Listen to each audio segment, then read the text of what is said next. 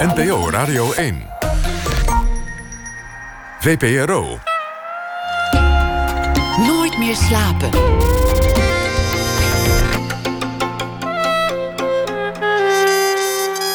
Met Atze de Vriezen.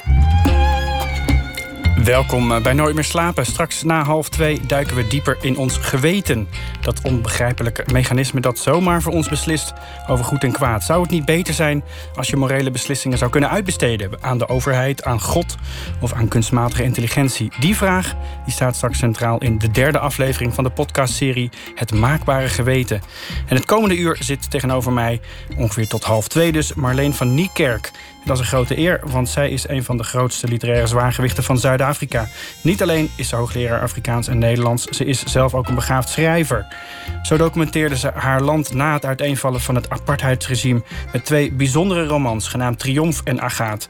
De een over een asociale blanke familie in een wijk die ooit hoop uitstraalde, maar die inmiddels vervallen is tot een soort semi-illegaal gescharrel en pure incest. Haar tweede grote roman ging over een blanke, rijke boerin die op haar sterfbed verzorgd wordt door haar zwarte bediende. Het zijn bevlogen verhalen over echte mensen die leven in een ongelooflijk ingewikkeld land. En haar nieuwste werk staat daar op het eerste gezicht zo ver vanaf als het maar kan. Namelijk uh, De Stille Achterkamer is een dichtbundel geïnspireerd op twee Nederlandse schilders uit de 17e en de 20e eeuw. Wat heeft die bundel nou gemeen met haar eerdere werk? Daar gaan we ongetwijfeld het komende uur achterkomen. Welkom Marleen. Dankjewel, Anse. Uh, laten we dan maar beginnen bij het uitgangspunt van die bundel. Um, kun je mij uitleggen wat de magie is van een schilderij met vijf abrikozen erop? Hm. Het hangt er natuurlijk af wie het heeft geschilderd. En um, de werk van Koorte straalt een bijzondere magie uit, om, om jouw woord te gebruiken.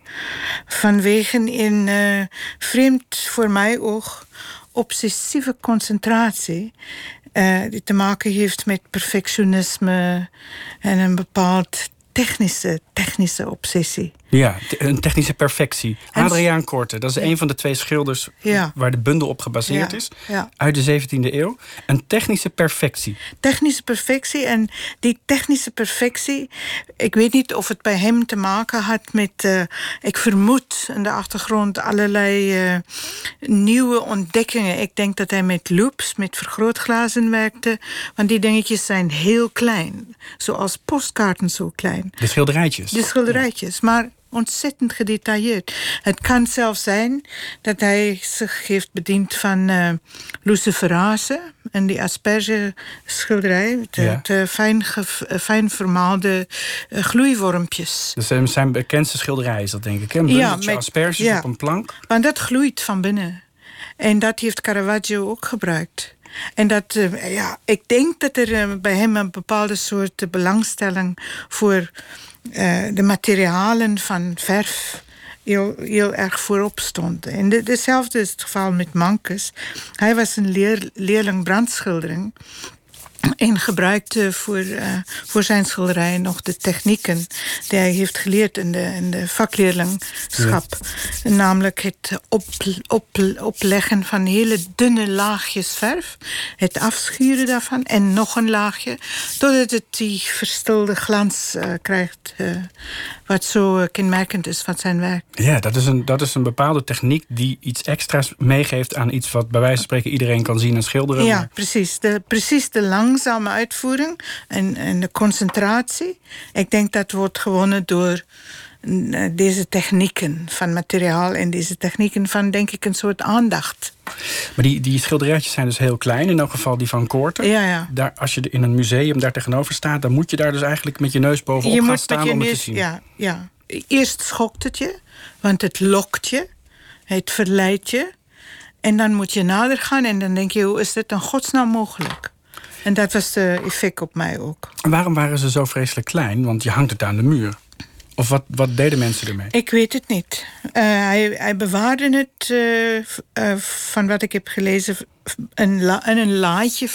Vaak wordt het op eh, tweedehands papier werd het op tweedehands papier geschilderd door hem. En op kleine stukjes papier in een laadje opgeborgen.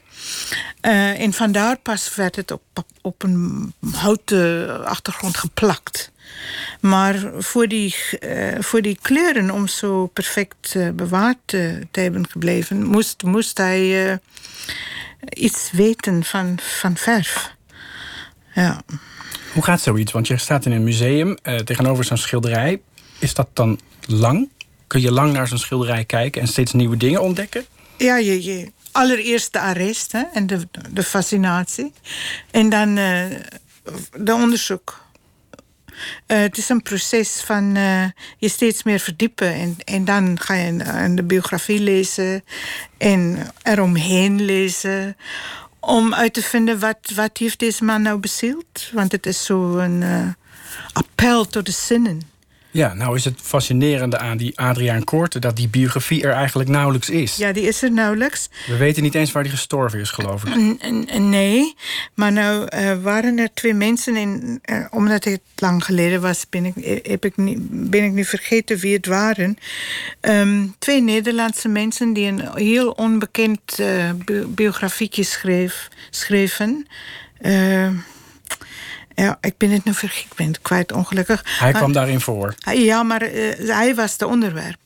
En zij gingen in de, in de geboorten- en de sterfteregister, sterfteregisters kijken. En eh, kon op zo eh, een soort eh, wijze van historische afleiding... bepaalde dingen te weten komen over zijn familie. En over zijn broers bijvoorbeeld. Die beide bij de VOC in militaire en, en mercantiele loopbanen gebonden wa- waren. En hij bleef thuis. Dat was niet gebruikelijk in die Eh, Dat tijd. was niet gebruikelijk. en eh, mensen, eh, en die, die twee schrijvers van die biografie, die, eh, die vroegen zich af of hij misschien aan een gebrek leed of hij een of andere handicap had. Misschien had hij iets aan zijn ogen. Eh, misschien is dit Dat waar. lijkt, me, dat lijkt me dan weer fascinerend als hij zulke kleine schilderijtjes eh, ma- kon Met, met vergrootglazen, Ja. met, met loops. Ja. Er is maar ze zijn er niet achter gekomen wat het Nee, was. nee, nee, nee, nee. Er is helemaal niet. Er is nog bekend dat hij misschien een leerling was van Hondenkoeter, de Hondenkoeter, in Amsterdam. Omdat eh, een van zijn vroegere schilderijen eh, vogels bevatte. eh, die veel op een studie van hondenkoeter lijkt. Pelikanen in, in, in een museum waarschijnlijk. Of in een, in een dierentuin of iets. Prikkelt het extra de fantasie van de kijker en van de aanschouwer als je eigenlijk niks weet over de schilder. Ja, natuurlijk. Het, het prikkelt eh, ook omdat als je al zo'n klein beetje... als je iets weet van, van die tijd, van de pronkste leven... met die geweldige eh, opulentie en vertoonzicht van de, van de grote meesters... Van Calvin, Van Beieren enzovoorts. Het was nogal een uitsloverstijd eh, wat dat betreft. ja, ja. En eh, Rachel Ruis, die, die, die geweldige Ruis, die die geweldige bloemen rangschikking schilderde, dan, dan valt het met een op. Dat Koorte hier iets anders doet. En met die kleine, geïsoleerde eh, voorwerpen. Maar het valt je ook op dat hij eh, heel rare dingen soms, eh, doet. Ehm, soms eh, bijvoorbeeld eh, schildert hij de, de perspectivische ronding op zo'n kommetje niet goed. Zoals die kommetje met de twee reeën op. Hij volgt de buiging van het kommetje niet. En hij schildert het vlak en plat. Op andere plaatsen, zoals met die schelpen, is het heel duidelijk uit de patronen, behandeling van de patronen op de schelpen, dat hij heel goed weet om dat te doen. Dat hij het eigenlijk expres zo heeft gedaan. Precies, nou dat is de vraag. Dus ik ben er niet, niet genoeg van een kenner om te zeggen wat nou asbest zou zijn of niet. Ja. Maar eh, de, soms zijn de proporties ook helemaal eh, fout. Want hij heeft altijd die plint waarop hij alles rangschikt. Een soort plank met En, een... en ik, nee, ik denk dat het een, een, een stenen plint is, met een, met een kraak erin. Maar hij heeft dan die twee okkerneuten, eh, walnoten noemen jullie dat. Wij noemen het okkerneuten, walnoten. En die zijn veel te groot in proportie ten opzichte van de, van de plint. Ja, want die plint kennen we uit die andere schilderijen. Ja. Dus je weet dat die niet zo groot moet zijn. Eh, Wel, je weet dat de ook nutten niet zo Ja, groot moet zijn, moeten zijn. Dus, eh, en en wat dat, soort, dat soort dingen die niet kloppen, die, die roepen vragen op. En- maar maar ook bijvoorbeeld die barst in die ja. plint. Ja, Daar, in een van de gedichten stel je jezelf ook de vraag... van waar die barst in die, ja. in die plint.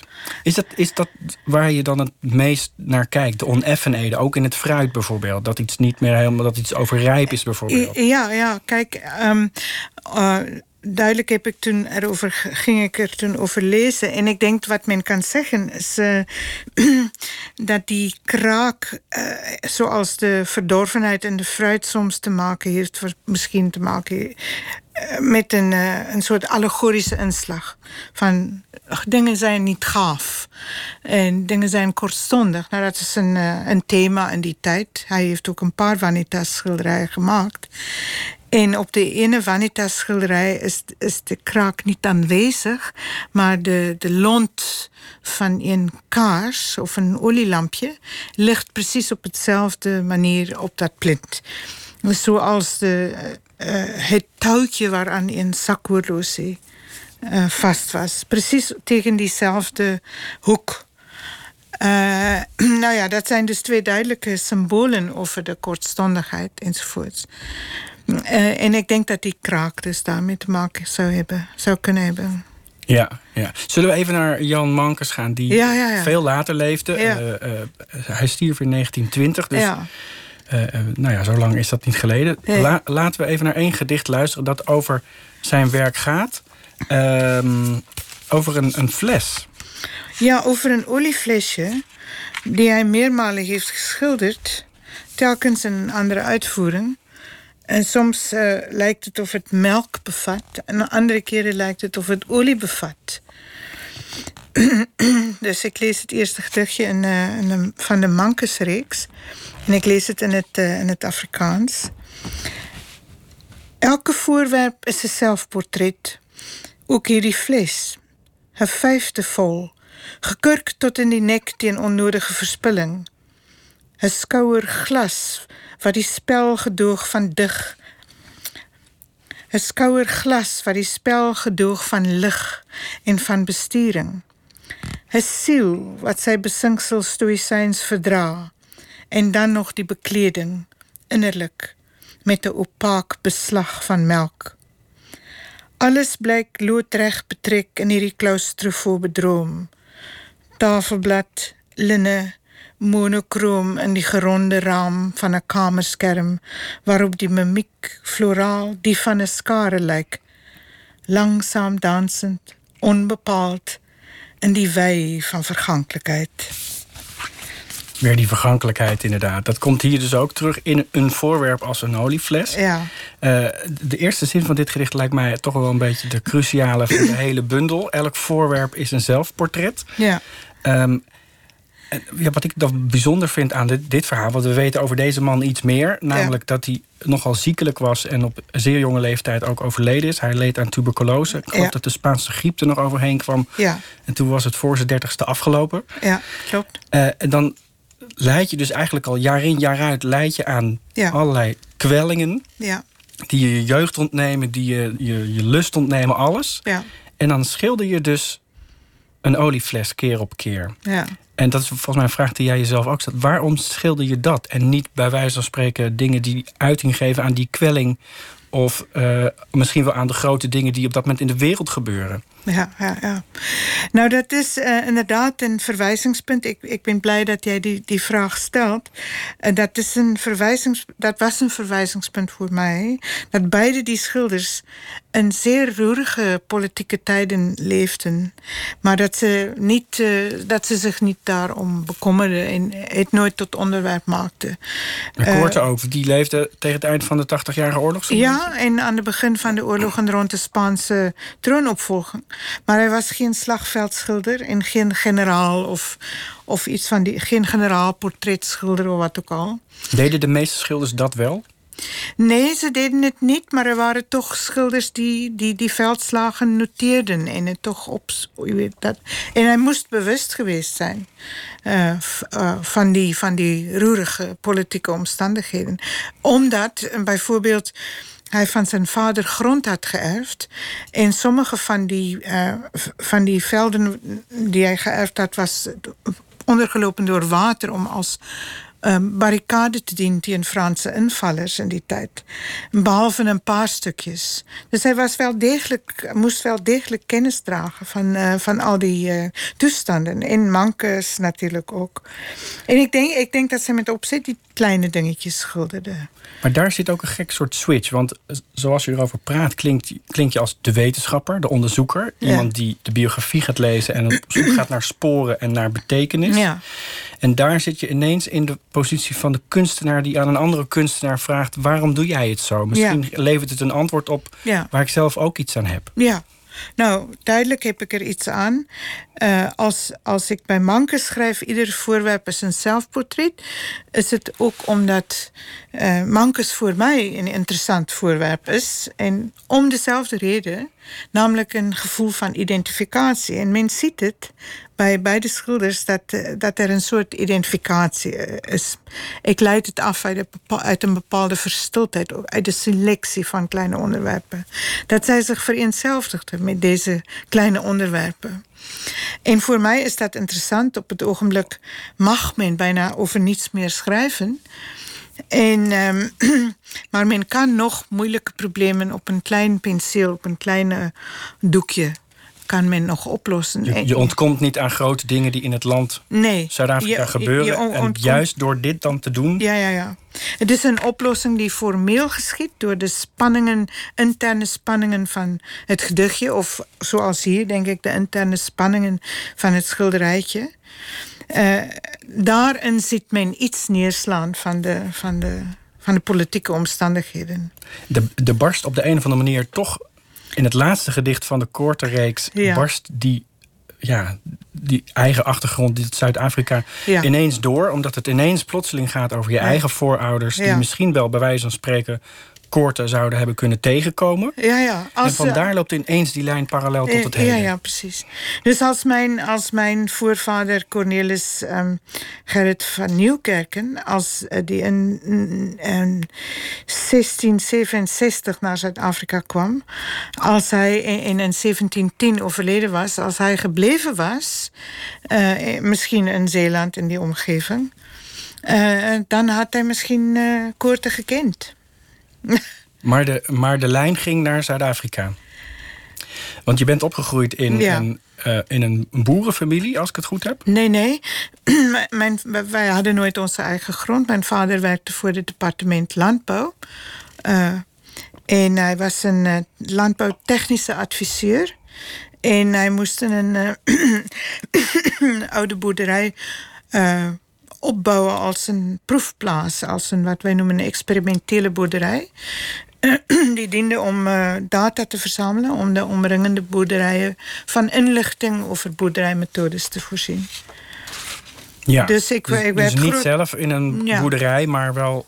Maar, maar we zaten op. eh, Ja, ik, ik maakte alles mee als kleine kind van koeien en schapen en graan. En... Hoe ging dat? Hoe zag dat eruit? Wat? Dat leven? nou, idyllisch. Het was een leven van, uh, van een, die ik elke kleine kind toewenst. Tussen de vogels en de dieren en de planten. Uh, een rijk, uh, zintuigelijk rijk omgeving. Met, met vele dingen die, die ik nou waardeer als een opslag van de herinnering. Geuren, Geuren, vooral klanken. Pardon, want dit is belangrijk. Klanken uh, in zo'n omgeving. Mijn vader had een, uh, had een soort uh, zesde zintuig. Als, een, als kleine kind zaten wij soms op onze veranda. En dan in, in in de paastijd bij ons valt dat in april. En dan was er een lammerval, zoals wij dat noemen. Geboorte van lammertjes. Die jij zeker als iemand misschien uit achtergrond Friesland ook ken. En uh, dan zei hij altijd tegen mij: luister even naar hoe die lam daar blaat. Hij is weggegooid door zijn moeder. En hij is waarschijnlijk een van een drieling en zij kan niet drie aan. Dus we gaan hem even halen. En voor mij als kind was dat dan altijd een uh, bijzondere ervaring. Om met mijn vader naar het land te gaan. En ja, daar stond hij. Een van drie, weggegooid door zijn moeder, te blaten. En mijn vader kon dat horen. En hij zei altijd aan mij: Men kan overal in de wereld hoort als iets fout is voordat je het ziet. En die zintuigelijkheid die Ja. zit niet alleen in deze gedichten, maar ook bijvoorbeeld in de roman Agaat. Ja. Waarin een, iemand volledig verlamd is op zo'n beetje de oogleden na, maar wel nog verdomd goed alles kan horen Ja, ja, en precies. ruiken. En Ja, ja, ja, precies. dat is een soort droombeeld, dat dat in elk geval be- behouden blijft. Ja, ja, ja, ja, ja, ja, ja. Is die wereld uit die roman, is dat de wereld waar je zelf in rondliep? Ja, nogal. Eh, ehm, nou ja, niet de details, maar ehm, van, van, van de zieke vrouw bijvoorbeeld. Maar van, van, de, van de omgeving wel zeker. Ja, dat is een omgeving van de, de Korengbouw eh, en de Overberg. Ik werd daar groot op een kleine plaatsje eh geheet eh, Rivier zonder eind. Je moet toch geboren zijn op een plek met zo'n naam. Fantastisch Dan lijkt me. zoek je de ganse leven lang naar, eh, naar rivieren. Er is iets die eh, jullie filosoof Verhoeven ooit zei. Ehm en zijn eh, Cornelis Verhoeven in zijn boek over Brabant zei hij ergens: als je weggaat waar je vandaan komt, ehm, of als je een plaats had waar je groot werd en waar je herinneringen aan had, word je daardoor gestempeld voor de rest van je leven tot een dorstig uitgangspunt. nou ja. Mooi. Of Maar dat is wel interessant. want Met name als je in, echt in een boerderij opgegroeid Ja. wordt, denk ik van je verwacht dat je in het bedrijf opvolgt. Hoe, hoe ging dat Ja, als nee, je nee. aan de rand van dat boerenleven opgegroeid? Dat Ja, aan de, ja, ja, nou, ik, ik leerde wel veel, maar voor mij was het niet weggelegd. eh. Ehm, je moet weten, ik ben nu al 65 en in die tijd was het niet zomaar eh, ja, voor de hand liggend dat een meisje in de landbouw zou gaan. Nu zou ik het absoluut doen. Ja? In de landbouw of in de botanie of iets wat met grond te maken heeft. Absoluut. Niet in de literatuur. Nou, de literatuur, ja. Mijn vader was een soort dichter. Ik heb dat ook bij hem geleerd. Ehm, maar eh, ja, ik weet niet. Ik denk mijn keuze zou nu anders eruit zien. Maar in die, in die gedichten en ook in, in de romans Ja, rust heel erg de vraag: waarom doen mensen nu eigenlijk wat ze doen? ja, ja. ja. Doen ze dingen zoals ze denken dat het moet, of eh, omdat ze er niet aan kunnen ontsnappen? Maar, maar jij bent bijvoorbeeld wel weggegaan. Je bent naar Nederland gegaan. ja. dat is volgens mij een, een cruciale fase in je persoonlijke ontwikkeling Ja, geweest. dat dat je er buiten staat en dat je ineens op een andere manier kijkt naar waar Ja. je vandaan komt. Dat klopt. Ehm, ik eh, kwam hier naartoe in de tachtiger jaren eh, om filosofie te studeren, van alle dingen. Eerst ging ik naar Duitsland voor een jaar om eh, daar te hospiteren in theaters. Maar eh, daar was alles zo van de vakbonden dat er geen knop over de vloer kon rollen of er was iemand die het zou optellen. Dus ik had, daar heel weinig te doen. Maar toen ging ik verder met filosofie in Nederland en studeerde onder Otto Duintjer en Theo de Boer. En dit was inderdaad een geweldig vormende tijd voor mij. Ik heb veel geleerd. En ik heb ook bij eh, Johannes Fabian, een eh, ehm, zeer belangrijk antropoloog, had ik de voorrecht om bij te studeren. En die lessen eh, heb ik nooit, kon ik nooit vergeten. Het waren eh, bijzonder invloedrijke mensen in mijn leven. Wat was het belangrijkste nieuwe inzicht dat daar kwam? Nou, gewoon, denk ik. Eh, weet je, in Zuid-Afrika leren we de dingen op een, op een, hoe zal ik het zeggen, op een eh, kleinere manier. En hier kreeg je de context mee. Ehm, en ook de context van de oorspronkelijke talen waarin de filosofie geschreven is. Dus eh, wij moesten alles lezen in het Duits en in het Frans. Nou, ik had die talen wel op universiteit geleerd. Maar ik moest ja, echt hard studeren om eh, de kritiek der reinen vernunft in het Duits te lezen. En ik heb, op die manier eh, kon ik mijn, eh, mijn vermogen om mijn andere, andere literatuur te bemachtigen, kon ik uitbreiden via de filosofie. En levert dat dan ook barsten op in dat idyllische leven? Maar in ieder geval Barsten. dat beeld? Oneffenheden? Ja, ik denk men krijgt contexten en vooral, hoe moet je het noemen, eh, kaders, eh, nieuwe paradigma's, waarbinnen je je eigen oorsprong op een andere manier kan ondervragen. En het levert veel kritisch op. Uh, en je begint uh, ook de, de materie, bijvoorbeeld, de materiële mogelijkheidsvoorwaarden van je eigen literaire praktijk te ondervragen. En dat zou ik niet hebben gedaan als ik niet die studie in Nederland gedaan, uh, gedaan heb in die tijd. En ga je dan op een andere manier terug? Want je bent er nou wel teruggegaan. Ja, je gaat op een andere manier terug. Je kijkt met een andere oog. Je ondervraagt op een andere wijze. Je bent nooit weer helemaal, helemaal thuis. En er is misschien een kraak. Is dat jammer? Nee. Hoe meer kraken, hoe beter. Vooral in een tijd waarin de identiteitspolitiek ons allemaal mm, de vrees op de hals jaagt is het dus heel belangrijk om complicerend en problematiserend te kunnen denken. Dus via de kraken en via de verschillen, eerder als via de identiteit. Dus in plaats van alleen maar de eigen identiteit te onderstrepen, moet juist die eigen identiteit ondervraagd worden. Ja, ja absoluut moet het ondervraagd worden. En uh, nou is het ook historisch interessant natuurlijk dat je, je groot wordt in ene bestel van identiteit. Uh, de Nationale Partij, uh, die de, de apartheidsbeleid uitvoerde. Zij hadden het goed door hoe dat ze door de propaganda via de scholen en via de kerken de samenleving tot een homogene geheel moest breien en een gedachte en uit. Er werd heel doelbewust gemanipuleerd. Heel doelbewust gemanipuleerd. En als waren... kind opgroeiend ben je daar niet, niet van bewust? Nee, je bent er niet van bewust. En um, um, ze, ze, waren ook goede bureaucraten.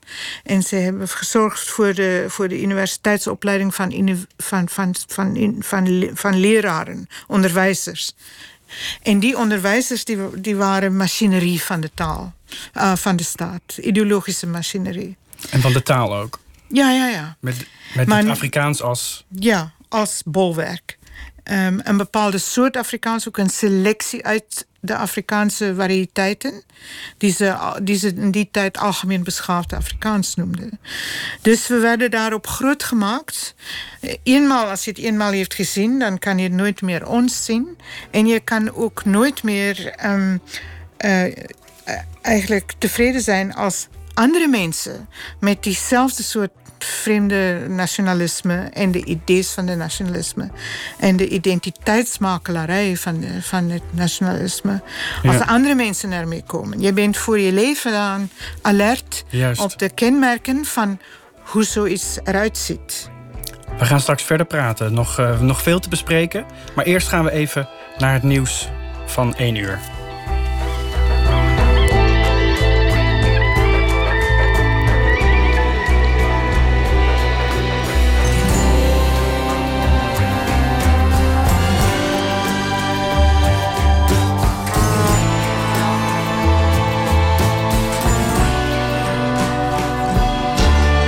Radio 1. Het nieuws van alle kanten.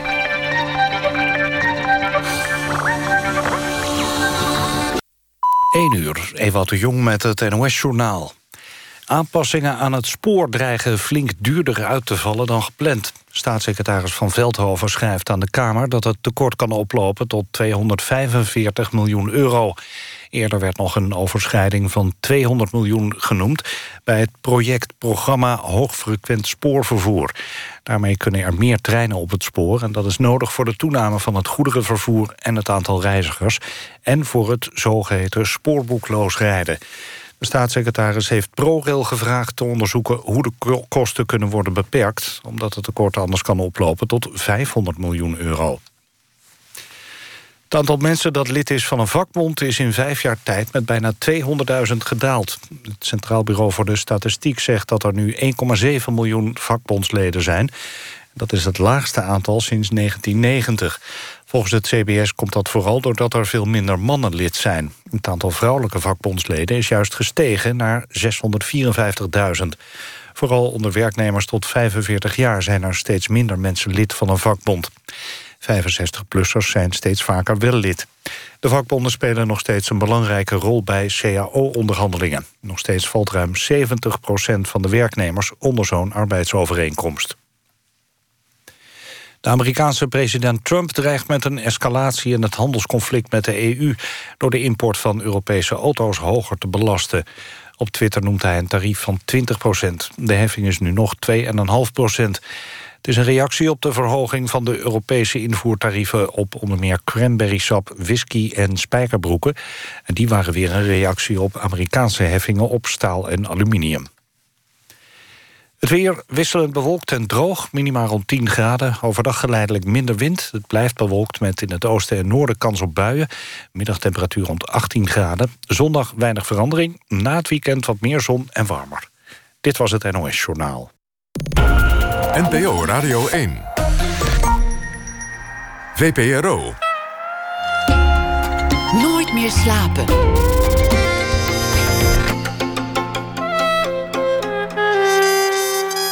Met Atze de Vriezen. Welkom terug bij Nooit meer slapen. Ik praat vandaag met Marleen van Niekerk. Voor het nieuws hebben we het onder, gehad, onder andere gehad over haar fascinatie voor eeuwenoude stillevens. Die leiden tot haar gedichtenbundel De Stille Achterkamer. Wat is er zo intrigerend aan vijf abrikozen of aan een bundel asperges en hoe perfect die geschilderd zijn? Maar gaandeweg belanden we in haar Zuid-Afrika, waar ze opgroeide. En daar is natuurlijk nog veel meer over te vertellen. Ik zie al een, een beetje een angstig gezicht. Want we gaan het hebben over grote dingen. Als we één ding hebben meegekregen het afgelopen jaar hier in Nederland van wat er in Zuid-Afrika gebeurde, dan is het natuurlijk die begrafenis van Winnie Mandela. Een controversieel figuur. Natuurlijk de voormalige vrouw van uh, Nelson Mandela. Uh, daar was een, uh, een, een afscheid van in een stadion vol met mensen. Want zij was controversieel, maar ook bij veel mensen heel erg geliefd. En daar zagen wij ook enorm pittige mensen spreken. We zagen onder andere Julius Malema, een radicale politicus die ongelooflijk uithaalde naar mensen die haar zouden hebben verraden en die nu in hun mooie pakken vooraan zaten. En daar zag je ja, iets heel heftigs, lijkt mij, wat, wat sluimert in die maatschappij. Hoe heb je daarnaar gekeken, naar die gebeurtenis? Ja, inderdaad. Het is een heel moeilijke vraag voor enige Zuid-Afrikaner um, om te beantwoorden. Um, omdat het in een zeer gecontesteerde politieke omgeving plaatsvindt, de, over, de overlijden van zo iemand. Um, ik denk, men moet de context in acht nemen. Men moet begrijpen dat de ANC-regering, die nu 20 jaar regeert, um, um, moeite heeft om te erkennen altijd. Nu, onder Ramaphosa is, het, uh, Ramaphosa het anders. Maar ze hadden moeite om te erkennen dat, uh, dat, er, um, dat ze ook een eigen fouten maakten. Uh, en dat ze voor een groot gedeelte mislukte. om de beloften van de constitutie waar te maken ten opzichte van onderwijs, ten opzichte van gezondheid, ten opzichte van behuizing en ten opzichte van werkverschaffing. Um, de statistiek is uh, niet bemoedigend. Um, en de economie is niet bemoedigend. En onder die omstandigheden moeten alle mogelijke voordeel getrokken worden uit het overlijden van een struggle hero. Wat zij was. Wat ja. zij was. En um, er is een soort hagiografische tendens uh, geweest in, de, in, de, in het uh, uh, hele gebeuren rond haar overlijden. Um, Wat gebeurde daar bijvoorbeeld? Nou, mensen gaan daar heel erg, ging haar heel erg idealiseren. En ik denk dat Winnie Mandela net zoals vele andere mensen in de Zuid-Afrikaanse politiek van die tijd um, hele, hele dappere dingen deden en hele zware dingen hadden om te verdragen, maar dat ze ook niet onbesproken waren in hun karakters. En um, het waren mensen die, die soms niet sterk genoeg waren om de dubbelzinnigheid van een situatie te hanteren. Um, en de torsies van de macht te hanteren waaronder ze verkeerden. En um, ik denk dat uh, Winnie Mandela waarschijnlijk uh, in die tijd dat ze geïsoleerd werd door de apartheidsregering in Brandfort, een zeer moeilijke tijd doormaakte. En ik denk dat toen ze daaruit vrij kwam uit die huisarrest, ze niet goed wist hoe om, eh, denk ik, met bepaalde situaties om te gaan. En zij heeft zich omringd met bijvoorbeeld die zogenaamde voetbalspan. En uh, ja, er waren moorden. Knokploegen. Knokploegen en moorden die gebeurden onder haar jurisdictie. En dat waren niet uitgedacht. En er is genoeg over geschreven waar Nederlandse lezers zich aan kan behelpen. Um, mensen als um, Paul Troella, die ook aan de ANC behoorde. Hij heeft erover geschreven, over Winnie's achtergrond. Um, mensen als uh, James Mayberg, je kan lezen op Politics Web. Dat is een beroemde of goede politieke achtergronds uh, uh, website. En um, je kan jezelf op de hoogte stellen van de feiten in verband met Winnie's verleden. Nou is het fascinerende natuurlijk dat de, de hoop die uitging van de vrijlating van Nelson Mandela destijds was ongelooflijk. Dat de wereld dacht nu gaat dat dat dat verdomde apartheidsregime gaat vervangen worden door iets volkomen zuivers. Ja, dat is Je, je was eigenlijk al heel snel. Was jij er ook wel uit dat dat niet zo was? Want Triomf bijvoorbeeld is een roman die echt in die tijd zich, zich afspeelt. En waarin overduidelijk al te zien is dat het misgaat. Trippi, uh, Trippi vroeg zich af in die karakter in Triomf. Hij vroeg zich. Hij zei dat hij niet graag een tweede nationalistische fuck-up wil meemaken. Nou ja. Dat gebeurde dus. Dat gebeurde dus. Was dat voor jou vanaf het begin duidelijk dat dat niet goed kon gaan? Nee, ik was zelf heel actief, zelf heel hoopvol. Ik deed mee aan de, op mijn eigen witte manier aan de, aan de verzet tegen de regime.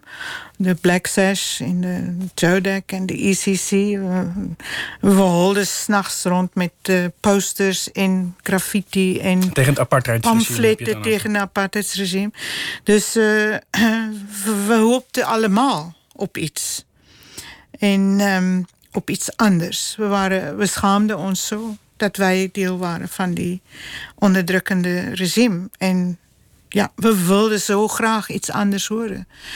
Maar ja, ik denk, ik was jong. Er waren vele mensen jong en hoopvol. En ik denk dat wij hebben gezien dat macht is macht. Nationalisme blijft nationalisme. Het heeft dezelfde trucjes in... Ja, de zelfverrijking blijft de zelfverrijking. Dus het, is een uh, grote teleurstelling geworden. Ik ben niet de enige, de enige die dat zegt. Uh, je noemt uh, dat Winnie Mandela hier zo erg in de nieuws was. Maar er was ook iets anders in de nieuws hier. Namelijk de Britse Public Relations Company, Bell Pottinger. Die de propaganda heeft, uh, heeft verspreid in Zuid-Afrika voor een bepaalde factie binnen de ANC. Die jarenlang de staten beroofde en de fiscus leeghaalde en ongelooflijke corruptie in de hand werkt. Alle staatseiendom, uh, zoals Eskom, grote companies van uh, elektriciteit en vervoer enzovoort. Gewoon tot melkkoeien maakten van zelfverrijking. Maar ik denk de fout was gewoon dat wij niet onze geschiedenis goed uh, las, uh, lazen. Ik denk dat uh, wij altijd dachten dat Zuid-Afrika een uitzonderlijke Afrika-land was. En dat was wat de Engelsen noemen een bepaalde vorm van exceptionalism. Wij, wij zouden het goed doen. Hoorde dat ook heel erg bij die blanke identiteit? Mm, wat? Dat het, dat vanuit die Afrikaner achtergrond uh, men het beter zou gaan doen dan in andere Afrikaanse landen? Nee, nee, nee, nee, racistisch... nee. Ik, ik, praat nu gewoon, nee, ik praat nu gewoon van na de apartheid zouden wij allemaal als ja. Zuid-Afrikaners het beter gaan doen als in die andere Afrika-landen. Dat is wat we geloofden op grond van een bepaalde soort idee van onze eigen exceptionalism, onze uitzonderlijkheid. Waar komt dat idee vandaan? Nou, dat is een. Uh, dat, ik weet het niet waar het vandaan kwam. Ik denk de christendom heeft er waarschijnlijk iets mee te maken. De TRC, de, de, de Truth and Reconciliation Committee, had misschien iets mee te maken. Maar ik denk dat dat uh, een, de helft van de werk deed. Omdat uh, wat er eigenlijk had moeten zijn, was een uh, gerechtelijke proces. Waarin de, de, de, de misdadigers van de apartheidregime gewoon een vonnis moesten krijgen en naar de, naar de gevangenis moesten gaan. Maar dat is nooit gebeurd. Het was zo'n beetje van ik zeg, ik heb dat gedaan. Ja, jij zegt, je hebt dat gedaan. En we dachten, met praatjes zouden we de zaak in de reine kunnen brengen. Maar het was niet genoeg, dat was duidelijk. Vele mensen willen zeggen dat, weet, dat de bron van onze misverstand over onszelf was. En uh, ja, nou ja, met dezelfde gegevens als in Zuid-Afrika qua bevolking en qua armoede en qua kolonialisme en qua de toestanden na de bevrijding van 1994. Um, ja, hebben wij in de afgelopen twintig jaar met onder de leiding van Zuma niet veel anders gezien dan in andere Afrika-landen na bevrijding. Ja, een van de belangrijke thema's die we hier toch ook wel meekrijgen is die onteigening van blanke boeren, wat ja. met veel geweld gepaard gaat. Ja. Um, Weer... Met, met, je landbouwachtergrond moet je dat ook persoonlijk raken, lijkt me? Nou, nou, niet zozeer hoor. Ik heb iets van de geschiedenis moet zijn gang gehad. En ik geloof bijvoorbeeld demografie is geschiedenis. En um, weer eens, um, onlangs nu, twee dagen geleden op Politics Web, heeft James Meiberg een zeer uh, goed uh, um, gebaseerde, op feiten gebaseerde geschiedenis geschreven over de achtergrond van, van grondonteigening uh, en de beleidsstukken van de ANC in de tachtiger jaren en in de vroege negentiger jaren. Dus mensen kunnen zien dat het valt niet nu opeens uit de lucht. Het is iets wat jaren geleden, decennia geleden al ingezet is in de beleids van de, van de ANC, ja. Het, was deel van de beweging. Ze hebben het afgezwakt toen de onderhandelingen rond de nieuwe constitutie begonnen is. Toen hebben ze het afgezwakt, maar voor die tijd was het beleid gewoon, gewoon uh, schoonschap maken. En dat uh, moord en diefstal en dat soort dingen ermee gepaard moest gaan. Dus ik zeg het nog een keer. Degene die, die het wil gaan uh, bestuderen, die kunnen op Politics Web gaan kijken wat James Meiberg daarover schrijven. En dan kunnen ze hun eigen onderzoek doen om te kijken of ze daarmee overeenstemmen. Je ziet hier in, in Nederland wordt er eigenlijk niet zoveel over bericht. Maar als mensen zich er druk over maken, dan zijn het vaak uh, zeer rechtse politici, zeer ja. rechtse media. Ja, dat is Wat erg. zegt dat? Nou, dat is erg. Dat zijn de politici die het opnemen voor de. Ja, het is erg. Ja. Als men deze dagen in Zuid-Afrika in enige politieke context dus je zinnetje begint met maar, heb je ook hier aan gedacht, dan krijg je met één verkeerde vrienden. Dus, uh, de, dat is daar ook zo. Ja. Dus uh, ik, ik ben een schrijver en ik zal altijd zoeken naar de complexe verhaal en de problemen. Ik zal niet zoeken naar de eenvoudige verhaal. Ik ben zeer erg achterdochtig over enige eenvoudige verhaal die iemand mij over enig iets wil vertellen. En ik zal altijd um, een eenvoudig verhaal onderzoeken op uh, de vraag: wie wil wat aan wie anders doen? Met zo'n eenvoudig verhaal over een moeilijke zaak. Ik ben daar een goede gezelschap. Ik hou altijd, uh, druk altijd de neus van mijn studenten op een oude Russische literatuurcriticus, uh, Bakhtin. En ik zal altijd die methoden die hij aanvoerde en die ook later voor Kristeva van belang werd uh, onder de titel Het Carnevaleske. Ik zal die altijd promoveren bij mijn studenten en aanbevelen bij hen omdat je daaruit leert, uit Bakhtin's benadering tot de letterkunde, dat de stemmen van de verschillende opponerende partijen, en dat je die moet laten horen. Eigenlijk is de rol van de kunstenaar, want je, je, je zet graag een stap terug. In interviews zeg je heel vaak bijvoorbeeld... deze roman gaat eigenlijk niet over de ontwikkeling van Zuid-Afrika. Het gaat over mensen. Ja. En dat is natuurlijk ook wat het is. Uh, Agaat gaat over Ja. liefde en haat tussen twee personen... Ja. die met elkaar ver- vervlochten zijn. Kijk, Heeft- het is een multidimensionele ding, een, een roman. Hè? Eh, het zal over alles gaan. Als ik op een bepaalde manier terugkijk naar Agathe... gaat het over kunsttheoretische eh, kwesties. Eh, over het maken van dingen. Bijvoorbeeld? Bijvoorbeeld eh, het borduren van Agathe en... eh, bij, en bij Lambert ook een, een, een, een triomf. Het gaat over kunst. Dus je kan, maar, maar omdat een roman een, een, meerdimensionele iets is, zal het altijd ook een historische of een eigen tijdse dimensie hebben. Wat dat betreft is de kunstenaar natuurlijk beter in staat... om dat soort ingewikkelde problemen te duiden. Omdat de politiek geneigd is om alles naar één kant Ja. uit te leggen. Alleen nu is het zover dat je bij ons eh, in Zuid-Afrika jonge kunstenaars hebben die zeggen van ik kan niemand anders huid kruipen om een verhaal te vertellen. Alleen mijn eigen huid. En dan wordt je eigen huid eh, binnen de context van de identiteitspolitiek bijvoorbeeld gedefinieerd, zoals bij Nick Mulgrew, een jonge kerel van 26. Ik ben een cisgendered, dat is de geslacht van mijn geboorte behoudende man met een witte huid uit de hogere middelklas en ik schrijf alleen uit die perspectief. Met andere woorden, wat wij altijd dachten, de werk van de auteur was, namelijk het zich verbeelden in een andere huid te kunnen kruipen. En op die manier een soort vrije onderzoek te doen naar mogelijke ervaringswijzen. En nieuwe dingen open te dekken. En dat wordt zo langzamerhand dichtgeschroefd door de identiteitspolitiek. Da- dat is jou ook heel vaak verweten. Dat je een perspectief koos dat bijvoorbeeld wel blank was... maar niet je eigen. Ja. En ook niet positief ten opzichte van dat wat eigenlijk je eigen identiteit zou Ja. moeten zijn. Ja, maar, maar waarom? Kijk, ik ben ook geen olievlees, ik ben ook geen clipje, ik ben ook geen wolk. Ik schrijf vaak over gras.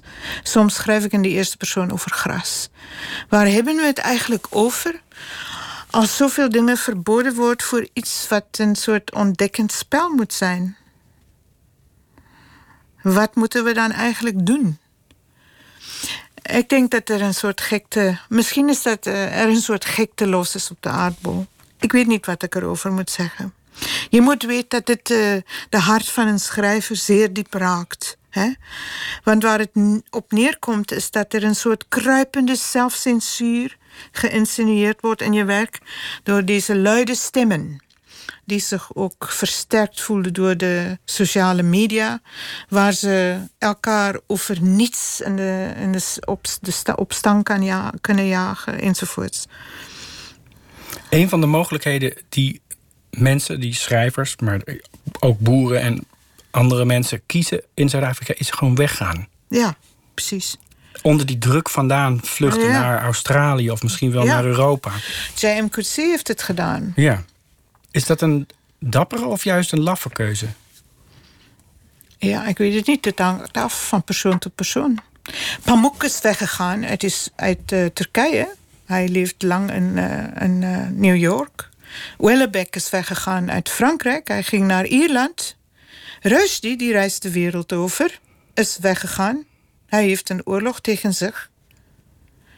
Dus het schijnt dat de mensen die geïnteresseerd zijn in het problematiseren en het spelen en het forsen eh, en het verwerpen van eenvoudige verhalen die door een of andere drukgroep ge- eh, voorgehouden worden, dat die mensen het moeilijk eh, krijg- krijgen op de wereld.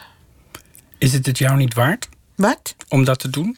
Om dat risico te nemen? Want je kiest nu heel nadrukkelijk voor een eigenlijk haast plagerig apolitieke insteek van deze bundel. Ondanks dat daar in bepaalde scheuren dingen door fonkelen. Ja, ik weet het niet. Het is een risico om een schrijver te zijn, punt uit klaar. En je moet kijken of je het kan blijven doen. En eh, Christopher Hope, dat was een Zuid-Afrikaanse schrijver bij ons, hij zei you, you need space to swing a cat. Dus misschien is er een fantastische ironie erin dat ik naar Nederland kom en hier blijf. Een klein landje, maar met meer ruimte om een kat te zwaaien. Juist. Er zit in dat slotgedicht, waar ik steeds maar weer naar terugkeer, zit niet alleen die geschiedenis van je eigen voorvaderen, die terugreikt tot een, iemand die ooit vanuit Nederland naar Zuid-Afrika ging, maar ook eigenlijk een soort groter, nog groter verhaal. En dat is eigenlijk de verhouding tussen Afrika als continent en Ja. Europa. Ja. De bootvluchtelingen, de mensen die uit Somalië Precies. komen, eh, uit Syrië en uit, uit alle landen. Precies. En die, ja, dat, daar schuilt natuurlijk ook een soort verantwoordelijkheid van Europa Uiteraard, ten uiteraard. opzichte van die Uiteraard. gekoloniseerde mensen. De schrijver die mij in dit opzicht het meeste heeft meegebracht was, ehm, is Peter Sloterdijk. Hij heeft een boek geschreven, The World, The World Interior of Capitalism. Ik heb nou de Engelse vertalingen van gelezen. En ehm, dat is een heel mooie, eh, hoe moet ik het noemen, uiteenzetting van de, wat hij noemt de eenzijdige criminele avontuur van de Europese expansie tijdens kolonialisme. En hij tekent daar de verschillende golven van zo'n expansie tekent hij uit. En de, de soort van wereldbeheersende systeem die we, die, waar we nu mee zitten, als, de, als, gevolg, als het gevolg daarvan. Waarbij de, de, er een soort, eh, ja, een soort verschrikkelijke ongelijkheid in de, in de ganse wereld bestaat tussen de arme zuiden en de, en de rijke noorden. Maar zoals mijn, eh, mijn mede-Zuid-Afrikanen, die hier eh, als schilder eh, zichzelf heeft geprofileerd, Marlene Dumas zei: We went to them first, now they are coming to us. Dat is het eenvoudig gezegd precies waarop het neerkomt. Heeft Europa dat onderschat? Europa heeft het nooit begrepen, denk ik. Nou, ik, ik, ik- er is begin dit jaar een boek uitgekomen over de jaren 60 van de Utrechtse hoogleraar ja, Geert. Bulens. Ja, een. Neerlandicus die zo'n beetje alle kunstvormen en alle Ja, televisie-mediavormen heeft Ja, onderzocht. En eigenlijk die dekolonisatie na de oorlog heeft aangewezen als een van de allerbelangrijkste gebeurtenissen. En ook een van de meest onderschatte gebeurtenissen in de afgelopen eeuw. Ja, dekolonisatie, dat is heel belangrijk. Maar wat ik denk de Europeërs niet hebben begrepen, was, was wat de aanzet was tot de kolonisatie. En eh, daar heb ik Philip Blom over gelezen. En zij heeft ook onlangs een boekje geschreven. Nu, nu ben ik de titel kwijt. Eh, over ehm, wat op het spel staat. Dat is de titel. En ehm, hij, hij verduidelijkt de, de, Europese expansie aan de hand van een klimaatsverandering in de kleine ijstijd. En hij baseert zich op een, eh, op een schilderij van Averkamp. Waar je mensen in eh, kledij van, vanaf boeren tot bij, tot bij hoge, hoge, hoge standmensen zien staan op de ijs. En er waren niet genoeg eten. Er, waren niet Er moest ergens wat moeten gehaald ergens wat worden. geha- ja, maar precies. Maar dat Dus is precies ze- wat nu ook gebeurt. maar ze hadden, ja, precies. Maar nu niet met, nu op een raar manier, niet met dezelfde technologische voorsprong.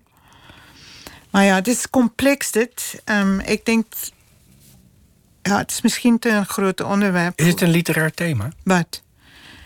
Dit? Dat, die verhouding tussen Afrika en ja. Europa en, Ja. en, en, en wat dat ons gaat brengen. Misschien wel juist de gedachte te hebben over hoe dat in de toekomst gaat zijn. Ja. Nou, wij hebben een eh, filosoof daar beneden die uit Cameroen komt, eh Achille Mbembe. Hij voorspelt, en ik ben het eens mee, dat. eh, kijk, in Zuid-Afrika heb je de grote steden en dan heb je de, de arme periferieën. Je ziet dus zulke soort verschijnsels ook in Rio de Janeiro. De Planet of Slums. Een, binnenstad en dan een, een eromheen liggende eh, uitgebreide slum. En hij zegt dat eh, op het eind de ganse wereld, ook de Noorden, de- West-Europa, er zo zal uitzien. En ik denk, hij heeft gelijk. Ehm, maar we moeten, de, we moeten deze fenomenen eh, begrijpen ook in grotere contexten. In contexten van energie. En eh, ik heb twee historici eh, erover ge- gelezen. eh, de McNeil-broers, een boek The Human Web, waarin ze uitleggen hoe de hoeveelheid energie, die door een bepaalde hoeveelheid massa gaat, bepalend is voor uh, hoe wij ons mensen, hoe wij ons gedragen op aarde. Dus iedereen komt naar de steden, want dat is waar het beweegt en waar de energie is.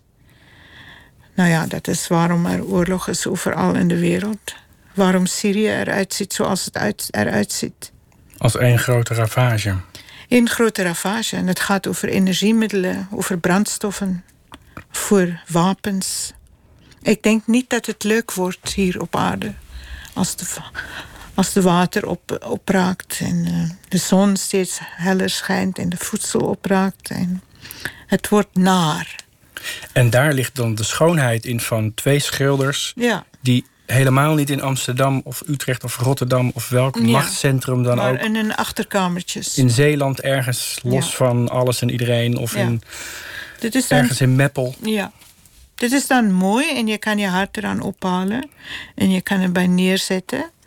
Maar er is hier in de Mankes boekje ook een gedicht over een uil. Een, een uiltje, aan hem gestuurd, altijd zoals andere vogels ook door zijn vriend Aloysius Pauwels. Dat was een eh, verzamelaar die in Den Haag woonde. En over die uiltjes schrijf ik daar dat hij de teugels van Ragnarok in zijn klauw heeft. Van de wereldverwoesting. Dat zit eigenlijk heel dichtbij in zijn persoonlijk leven... en hij is, Ja. is zich daar misschien niet eens van bewust. Ja, ja de kleine eigen. We, we allemaal dragen in ons, ehm, denk ik op het ogenblik, in ons huid en in onze ogen en in ons vezel een grote onrust van iets dat los is op, op onze planeet. En we hebben eigenlijk geen tijd. Michel Serres zegt het al: een nieuw contract met onze natuur, met de natuur is nodig. Nu heb je eigenlijk als wetenschapper, als kunstenaar... eh, eigenlijk een vrij geprivilegeerde Ja, rol. Je kunt hier bijvoorbeeld zijn. Terwijl al die mensen in bootjes vanuit Ja. Afrika hierheen kunnen en dat niet mogen... Ja. kun je vrij reizen. Dat, is, dat is, lijkt mij ook een bepaald soort pijnlijke constatering. Ja, het is een pijnlijke constatering natuurlijk. Ehm, er is moeilijk denk, eh, het is moeilijk om erover te denken. En ja, ik weet niet hoe ik eruit moet komen. Ik denk niet er is uit te komen. Maar er is ook zoiets als het rare lot dat je treft met je geboorte. Jij, jij, niemand van ons, ik niet, jij niet. We hebben niet gekozen waar we geboren werden. En welke klas. Eh, met welke kleur huid, met welke taal. Dat is de onge- het ongeluk van onze geboorte. Of het geluk. Of het geluk. Maar voor, som, voor sommige mensen is het een ongeluk. Nou ja, de vraag is dan, en dat, dat, wordt een, dat wordt een grote vraag nog. Hoe moeten wij zorgen voor andere mensen? En moet ik eerst voor jou zorgen? Of moet ik eerst voor iemand anders gaan zorgen? Moeten wij eerst voor elkaar zorgen of moeten wij zorgen voor. Dat is de grote vraag die de politiek in Bul- Bulgarije en Polen, denk ik, vraagt. Moeten wij eerst zorgen dat wij onze gezondheidsdiensten en wat ook al voor onze mensen die onze taal praten? Of moeten wij eerst zorgen voor de mensen die, die helemaal niets hebben? Die aan de boord staan te rammelen. Dat is de vraag. Ja. Is de druk groot om hier nu iets mee te doen? Of kun je eigenlijk gewoon verder met stillevens en Nee, natuurlijk. natuur? Natuurlijk en- niet. Ik ben eh, nu mijn hele problematiek aan het overwentelen op de geschiedenis van de. van, de, van, de, van Spanje onder Philips IV. Want eh, de zuivering van de Moriscos en de zuivering van de Moranos in die tijd. Eh, door de nationalistische vereniging en homogenisering van Spanje, dat was eigenlijk het begin van de Europese witte racisme tegen de anderen.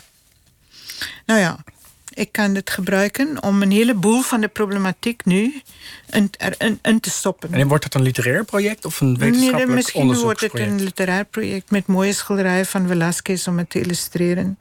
Of illustreren liever niet. Om de fantasie van, van wat te maken van wat toen aan de hand was met, met dezelfde problemen. Wij willen een verenigd Spanje, dus we zeggen weg met die Moriscos, de, nieuwe christenen, we vertrouwen ze niet. En weg met de, met de, met de Joden, we willen ze niet, al, al doen ze alsof ze bekeerde christenen zijn. Want wij willen de idee van Spanje voor de Spanjaarden. Dat is zeer oud. En, hoe, en dat is eigenlijk de taak die je zelf als kunstenaar meegeeft. Om nog dieper te graven naar dingen de die ergens ten grondslag liggen aan wat er ja. nu, ja. anno vandaag, in je eigen land gebeuren. Ja, ja, ja precies. Want wat, wat daar gebeurde onder, onder, onder Philips IV en onder zijn voorgangers ook. Want, want de, de zuiveringen begonnen al hier in 14, ergens 14 something in de 1400s. En het ging door, eeuwenlang. De 1400s, de 1500s nog en de 1600s nog meer. En het houdt ook voorlopig niet meer op, denk ik. En het houdt ook voorlopig niet meer op, schijnt het. Ja. Heb je nog hoop voor Zuid-Afrika? Nee. Ondubbelzinnig nee. Nee, niet als, het, niet, niet, als, niet als dezelfde stel begrippen zoals die nu daar, daar, daar, daar heerst, niet als dezelfde stel begrippen heerst. Uh, er moet een grote nieuwe realisme komen over waar, waar de toestand is. En we moeten het onder ogen zien. En ophouden met de uh, wederzijdse idealiseringen van elkaar en van onze geschiedenis. Ja. We zijn begonnen bij hele kleine schilderijen en uiteindelijk eindigen we bij uh, de toekomst van de complete wereld. Ja. Ik wil je danken voor dit gesprek. Ik zal de volgende keer op een hele andere manier naar asperges aan de muur kijken. Dat in elk geval. Dank je wel. En dank voor het gesprek. De, de bundel ligt in de winkelheid in de stille achterkamer. Marleen van Nieuwkerk, dank je wel. Dank je wel, Atze.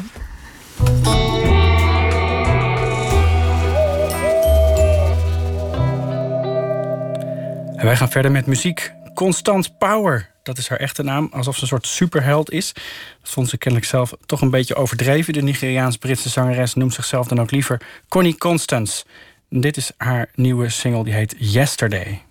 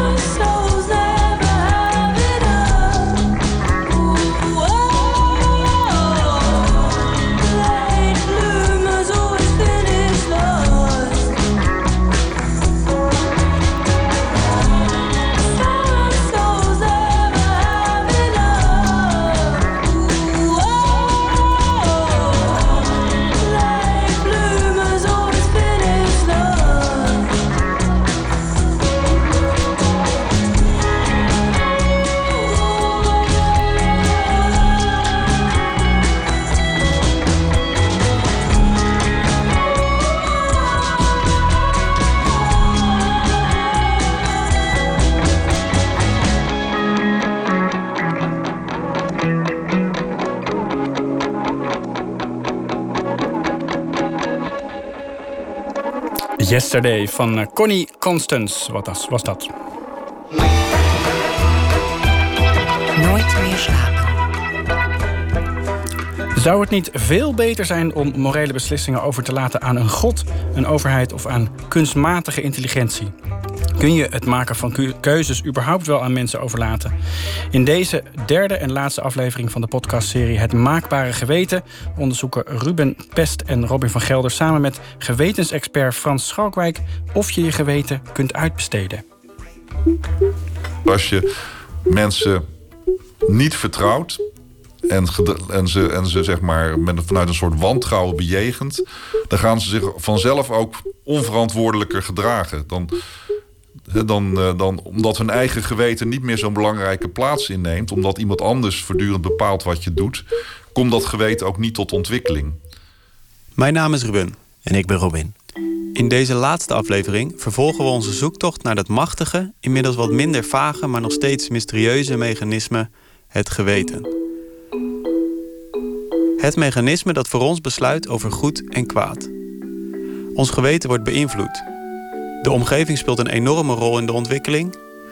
Een concrete definitie is er eigenlijk niet te geven. En er zijn allerlei factoren die onze morele beslissingen verstoren, vervagen of op de achtergrond zetten. Wij gingen meer twijfelen over onze gewetens dan dat we ze begrepen. Wij vroegen ons af: zouden we ons geweten kunnen vervangen of uitbesteden? In deze aflevering vervangen we het geweten door een god, een kantoorafdeling en een superrobot. en lacht onze expert ons uit. Het is natuurlijk een volstrekt waanzinnig idee. Als je dat zou doen. Welkom bij aflevering 3: Gewetensvervangers. Heb je je wel eens een doorsneedag in een gewetenloze wereld voorgesteld? Zou je daar ook 's ochtends de krant krijgen? Wat zou er op de voorpagina staan? En dan, als je even later onderweg naar je werk chagrijnig en doorweekt in de spits in de metro staat, tussen iedereen die zwijgend ruimte voor zichzelf probeert te maken, gaat dat goed? Bestaat er in zo'n wereld nog iets als feestjes, verenigingen, sport, vrede? Hoe zou zo'n wereld zonder geweten eruit zien? chaos. Waarbij het recht van de sterkste geldt. En iedereen echt voor zijn eigen gewin gaat. Of wat je het leukst vindt, of wat je het lekkerst vindt, of wat je een machtsgevoel geeft. Je krijgt een volstrekte willekeur. Je krijgt vanzelf een machtsstructuur waarbij de machtigste of de meest manipulatieve eh, boven komt drijven. En die gaat volstrekt zijn eigen gang. En het zal binnenkort een keer failliet gaan, want er is geen gezamenlijke structuur meer. Alleen de sterkste overleeft. Of, hè, en en Darwin zegt, eh, degene die het best aangepast is, overleeft.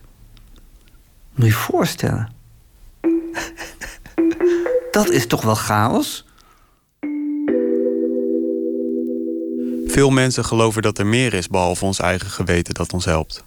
Een superieure aanwezigheid die kan helpen bij goed en kwaad. Een godheid. ieder mens die heeft in zijn binnenste heeft hij ingekregen wat goed of wat niet goed is. Dit is Paulus. Hij werkt bij de luchtmobiele brigade en is boordschutter op een Chinook-helikopter. En ja, da daarop zit je dan met een, eh, of met een mag-geweer of met een punt geweer. En eh, ja, van daaruit handel jij als je vijand zit. Een punt 50 geweer is een wapen met kogels van 12,7 centimeter dat tot 1100 schoten per minuut kan schieten. En een mag, het is eh, ook een automatisch wapen, alleen die is eventjes wat kleiner dan... Ja, het zijn gewoon eh, automatische wapens. De een die, die richt gewoon meer schade aan dan de ander. en hoe bereid je je dan voor op het gebruik van zo'n wapen? Eh, ja, ik bereid me erop voor. Gewoon puur eh, door erover na te denken. Ja, kijk, mijn... God is voor mij het belangrijkste in mijn leven. En ja, om dan...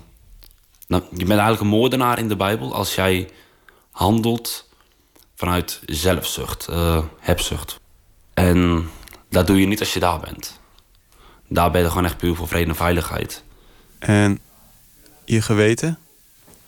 Hoe verhoudt zich dat tot je geloof? Mijn, mijn geweten is eigenlijk wel hetzelfde als wat er in de Bijbel staat. In Momentje. De wet van God staat in onze harten geschreven. Ja, dat staat in, eh, in de brief van Paulus aan de Romeinen. Romeinen 2, vers 15.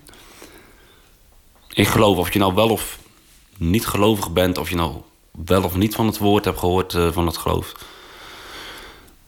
Ieder mens die heeft in zijn binnenste... heeft hij ingekregen wat goed of wat niet goed is. En dat gevoel van wat goed of niet goed is, dat komt van God. Ja, dat geloof ik wel, ja. De Bijbel, eh, veel mensen die zien het als een, eh, als een boek vol met regels, zeg maar. Maar ik zie het gewoon echt als een boek eh, wat jou tot een relatie met God wil brengen, om het zo maar te zeggen. Kan je het ons aanraden? Het geloof, bedoel je? Ja? Oh ja, maar daar raad ik iedereen aan. De wereld zou een betere plek zijn als nu ineens iedereen zou geloven. En ik wil echt niet zeggen dat alle ongelovigen dan slecht zijn, absoluut niet. Maar ik geloof wel dat de Bijbel, als je daarna leeft, dat het echt wel goed is. Wat houdt dit in? Betekent dit dat iedereen die gelooft zijn geweten heeft vervangen door een God? Of is het meer een samenspel?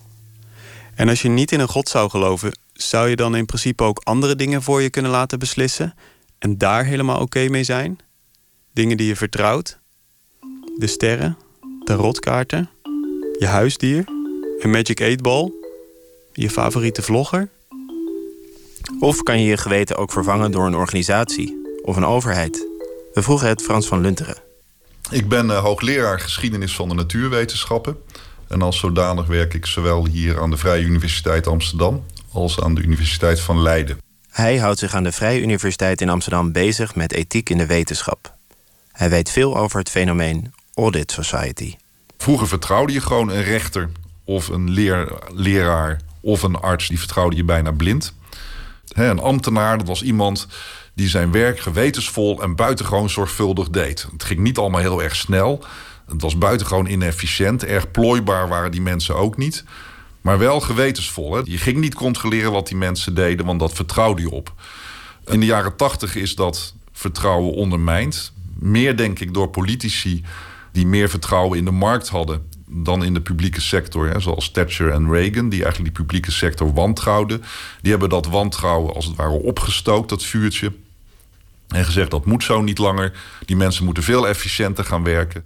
Ze vonden dat het zo niet langer kon. Iedereen in de publieke sector moest efficiënter gaan werken. En zo kwam er een nieuw beleid. Het idee was dat dit soort diensten die moesten in zekere zin verzelfstandigd worden en zich meer gaan gedragen als bedrijven. Dus die moesten gericht zijn op klanten, op doelmatigheid en op productiecijfers. En hoe je aan die resultaten komt, dat, wordt, dat vindt men niet zo heel erg belangrijk. Althans, dat was een beetje de beeldvorming. Je wil gewoon succesvol zijn. Dus daarmee is dat geweten eigenlijk ook weggeërodeerd. Er ontstonden controlemechanismen die in de gaten hielden of de publieke sector zijn doelen wel bereikte. Zowel binnen de organisaties als daarbuiten werden ze gecheckt op hun resultaten. Allerlei interne en externe audits, hè, zoals dat heet. Vandaar ook dat uh, hiervoor veel de term audit society voor wordt gebruikt. Dat van alles moet rekenschap worden afgelegd. En ik vind dat een buitengewoon ongezonde situatie. Sterker nog, als dat nog verder zou, zou doorgaan... en zelfs ons geweten nog gecontroleerd zou kunnen worden... het lijkt mij het ultieme nachtmerriescenario. Het lijkt misschien een verhaallijn uit een naar science fiction verhaal. Toch leven we steeds meer en meer in een audit society. En deze trend lijkt nog niet te stoppen. Net als dat nu in Amerika gebeurt, hè, die, met name Trump... die maakt uh, professionals verdacht... Dat doet hij voortdurend, doelbewust. Of dat nou gaat om, de, om, de, om journalistiek of de universiteiten, om wetenschappers. Die worden gewoon voortdurend verdacht gemaakt. En dat is, dat is een hele efficiënte manier om een soort publieke onvrede te creëren. En dat roept dan weer om maatregelen om die uh, onder verdenking liggende professionals te controleren. En daardoor gaan die professionals zich steeds slechter gedragen. Waardoor het een self-fulfilling prophecy wordt. En waardoor je nog meer controlemechanismes moet optuigen. Want die, die professionals zijn ook niet meer te vertrouwen inmiddels. En dat is in de jaren tachtig in feite ook gebeurd. Ook dichter bij huis is de Audit Society goed en wel zichtbaar. Iemand op een lagere school die hoefde vroeger alleen maar een rapportje een paar keer per jaar te maken... waar wat cijfers in gevuld werden en een enkele opmerking aan toegevoegd. En tegenwoordig moet van elke leerling in het lager onderwijs... moet een compleet dossier bijgehouden worden, wat die ouders ook elk moment kunnen inzien. Artsen moeten ook enorme dossiers bijhouden. Die worden volgens allerlei tabelletjes afgerekend op handelingen. In de praktijk hebben ze nauwelijks meer tijd van. De huisarts heeft nauwelijks meer tijd voor de individuele patiënt, want die moet binnen 10 minuten de kamer uit. Anders dan vergoedt eh, de verzekeraar het niet meer. Uh, ik kan, je kunt hoogleraar zijn of niet, maar dat ik zelf een tentamen kan afnemen, dat, dat is eigenlijk al twijfelachtig. Steeds meer regels, steeds minder verantwoordelijkheid. Het geweten erodeert dan weg. Maar hoe erg is dat? Valt het niet op te vangen met nog meer controle? Dat zorgt ervoor dat we tenminste niet lui achterover zitten en niets doen. Maar als we dat controlemechanisme nou gewoon heel goed maken, dan kunnen we toch gewoon doen wat we zelf willen. En dan hoeven we ook niet meer met dat onbetrouwbare geweten om te gaan. Is dat niet fijn? Je krijgt geen uh, verantwoordelijke, gewetensvolle mensen door ze voortdurend te controleren. Integendeel, het beeld is eerder overal waar je weg mee kan komen. Alle mazen in die controles, die ga je opzoeken. Dus het is een beetje een vicieuze cirkel. En het lijkt mij heilloos om nog meer controlemechanismes in te gaan voeren. Want ik geloof niet dat, dat, dat je daarmee uh, goed gedrag uiteindelijk kunt afdwingen. Alleen maar dat leidt tot calculerend gedrag. En dat is niet hetzelfde.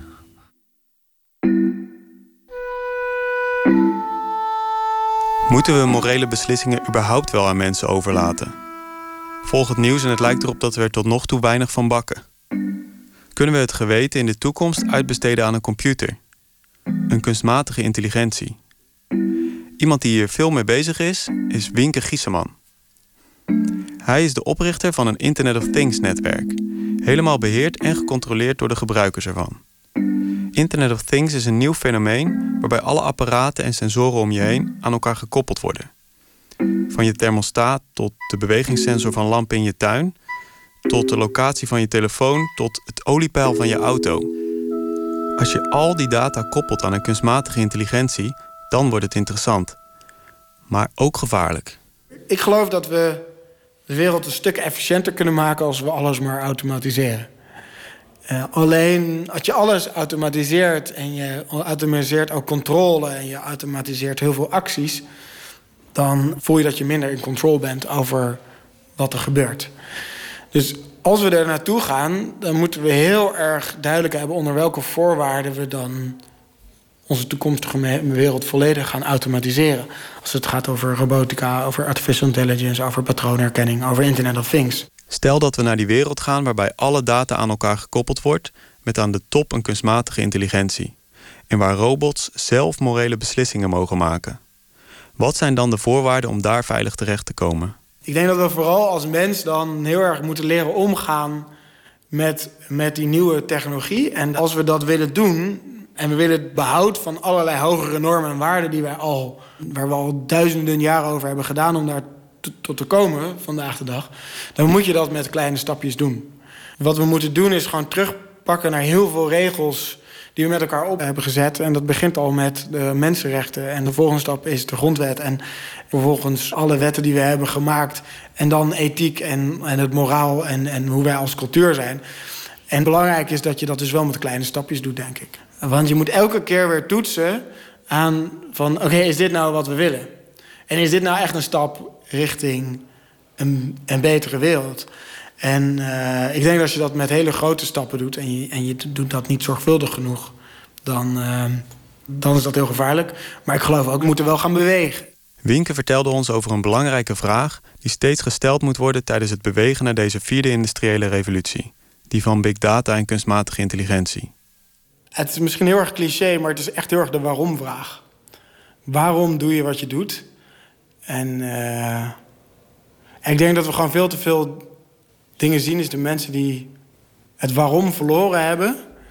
en het klakkeloos uh, op basis van normen, uh, religie, wetten, culturen... iets doen... zonder dat ze ook maar enig idee hebben waarom ze dat ook weer deden. En ik denk dat het moment dat je dat verliest, dan, uh, dan, dan weet je niet meer wat iemand doet. Ja, ik denk dat dat, uh, dat, dat dat wel echt het allerbelangrijkste is. En dat de ambachtsman van die vierde industriële revolutie... zich dat heel vaak moet afvragen van waarom als jij een stukje intelligence schrijft, als jij bij een verzekeraar werkt en je doet een aantal analyses over of je of niet iemand, iemand moet aannemen. Ja, ik denk dat dat wel dat dat het allerbelangrijkste is. Als een situatie stabiel is, dan is het niet zo heel erg dat, uh, dat je dat af en toe wel eens loslaat. Maar als je wereld wordt, als, je als het allemaal wordt gedisrupt en, en, en modellen veranderen, dan is het nog belangrijker om je af te vragen waarom doen we wat we doen. Miljarden kleine prikkeltjes die van overal informatie geven. Slimme koelkasten, flitspalen, camera's, wasmachines, televisies, laptops, microfoons, netwerken, telefoons, digitale opslag van staatsgeheimen, jouw verzekeringsgegevens. Een gigantisch netwerk van sensoren, informatieverzamelaars en dragers. Alle sensoren gaan werken als een zenuwstelsel. Een netwerk dat overal ziet, voelt en hoort. En dat met kunstmatige intelligentie denkt. Uit dat meganetwerk, dat als een groot onzichtbaar net over de aarde hangt, krijgt het feedback. Het een werkt wel, het ander niet. Zo verbetert het zichzelf. Het leert regels, wat goed en slecht werkt, wat goed en slecht is. En beetje bij beetje ontstaat er in die kunstmatige intelligentie een geweten. Eén supergeweten. Over, boven, tussen en om alles en iedereen heen. Het maakt beslissingen over goed en slecht, maar op zijn eigen manier, vanuit de eigen lessen. Daaruit beslist het. Niet met ons, maar voor ons. Elon Musk, Bill Gates, Stephen Hawking en andere hoog aangeschreven wetenschappers hebben gewaarschuwd voor de gevolgen van zo'n kunstmatig supergeweten. Of het nou een opperwezen is, een oppermachtig bedrijf, een overheid of een mega-robotisch bewustzijn wat goede keuzes maakt, wat zijn wij nog als we ons geweten laten vervangen door iets anders? Maar Ruben, in, in hoeverre verschillen we dan eigenlijk nog van andere diersoorten? Ja, uh, ik denk dat we dan in die zin van andere diersoorten verschillen dat andere dieren zich wel bezighouden met de groep. Hmm. Misschien dat we dan niet zoveel verschillen van roofdieren. Dan zijn wij de lone wolves die alleen maar bezig zijn met ons eigen genot. Wij, de hondjes, en de anderen, de baasjes. Natuurlijk een volstrekt waanzinnig idee. Volstrekt onmogelijk en waanzinnig. Als je dat zou doen, het geweten uitbesteden aan een institutie... nou, dan moet je toch niet aan denken. Dat je dan zelf niet meer je eigen verantwoordelijkheid hoeft te nemen... omdat een ander dat doet. Ja, is dat zo'n schrikbeeld? Ja, Waarom? volstrekt geschift. Waarom is dat? Voor mij, hè? Ja, waarom is dat? Waarom reageert u daar zo? Om, eh, omdat ehm, het, het, het idee van het geweten is juist dat jij als mens, met hoe je jezelf beleeft, de verantwoordelijkheid neemt voor hoe jij met de wereld omgaat. Is iemand bereid om daar naar een hoger doel te kijken? Maar dat drijft op basis van intrinsieke motivatie. En als je dingen eh, van buiten oplegt, uitbesteedt, dan wordt dus de motivatie om die regels te houden wordt extern. Extrinsieke eh, motivatie. En dan komen mensen in opstand. Dat willen we niet. Dan gaan we onderduiken, dan gaan we dingen doen die juist er tegenin gaan. Uiteindelijk ben je beter af met dan zonder geweten. En of je het nou wil of niet, het geweten blijft. Zolang je leeft, moet je je verhouden met je geweten. En als je gezond in elkaar zit, moet je je verhouden met schuld en schaamte. Dat is inherent aan leven. Alleen hoe dan? Het liefst zou je willen dat je afstreepboompjes kon maken. Hè? Ja, nee, ja, nee, ja, nee. Ik doe dat. En dat is dus nooit mogelijk. Maar wat dan wel? Er zal dus altijd een zekere strijd zijn waarbij het geweten een rol speelt. Tot op hoge ouderdom zal het spelen. Maar wat heerlijk is, is als die strijd geen snoeiharde strijd is of geen verbitterde strijd is. Veel beter lijkt mij om een mild geweten te ontwikkelen. En te zorgen dat het geweten voor jou werkt. In plaats van los van jou of tegen jou. Een milde verhouding met je geweten. Het geweten als een goede vriend.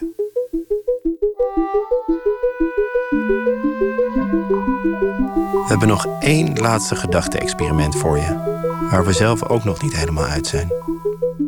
Stel, je leeft je leven, zoals ieder ander, en je luistert naar een podcast over het geweten die op zijn einde komt.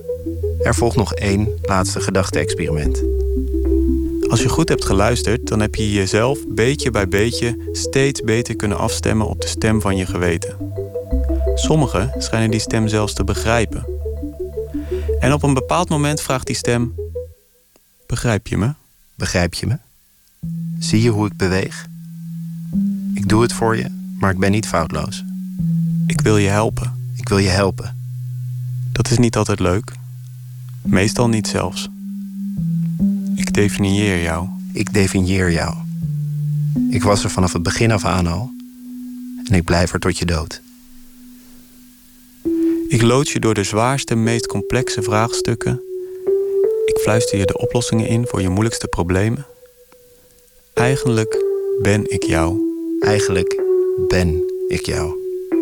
Vertrouw je me? Vertrouw je me? Dat was het laatste deel van de podcastserie Het Maakbare Geweten. Gemaakt door Ruben Pest en Robin van Gelder in samenwerking met VPRO Dorst. De hele serie terugluisteren kan uiteraard via uw favoriete podcast-app. Dan, maandag, dan uh, hebben we wat lichtere kost naar de zware kost van vanavond. Vooral lekkere kost. Culinair journalist Hiske Versprillen, die is de gast. En uh, na het overlijden van de beruchte Johannes van Dam was het aan haar om hem op te volgen als restaurantrecensent van Het Parool. Dat deed ze goed, want in 2014 won zij de tegel doordat zij dat bekende biefstukrestaurant ontmaskerde dat paardenvlees verkocht als runderbiefstuk. Goed, dat uh, maandag, dan is Pieter van der Wielen er weer. Nu eerst de nacht van de radio van BNN Vara. Ik wens u een hele goede nacht.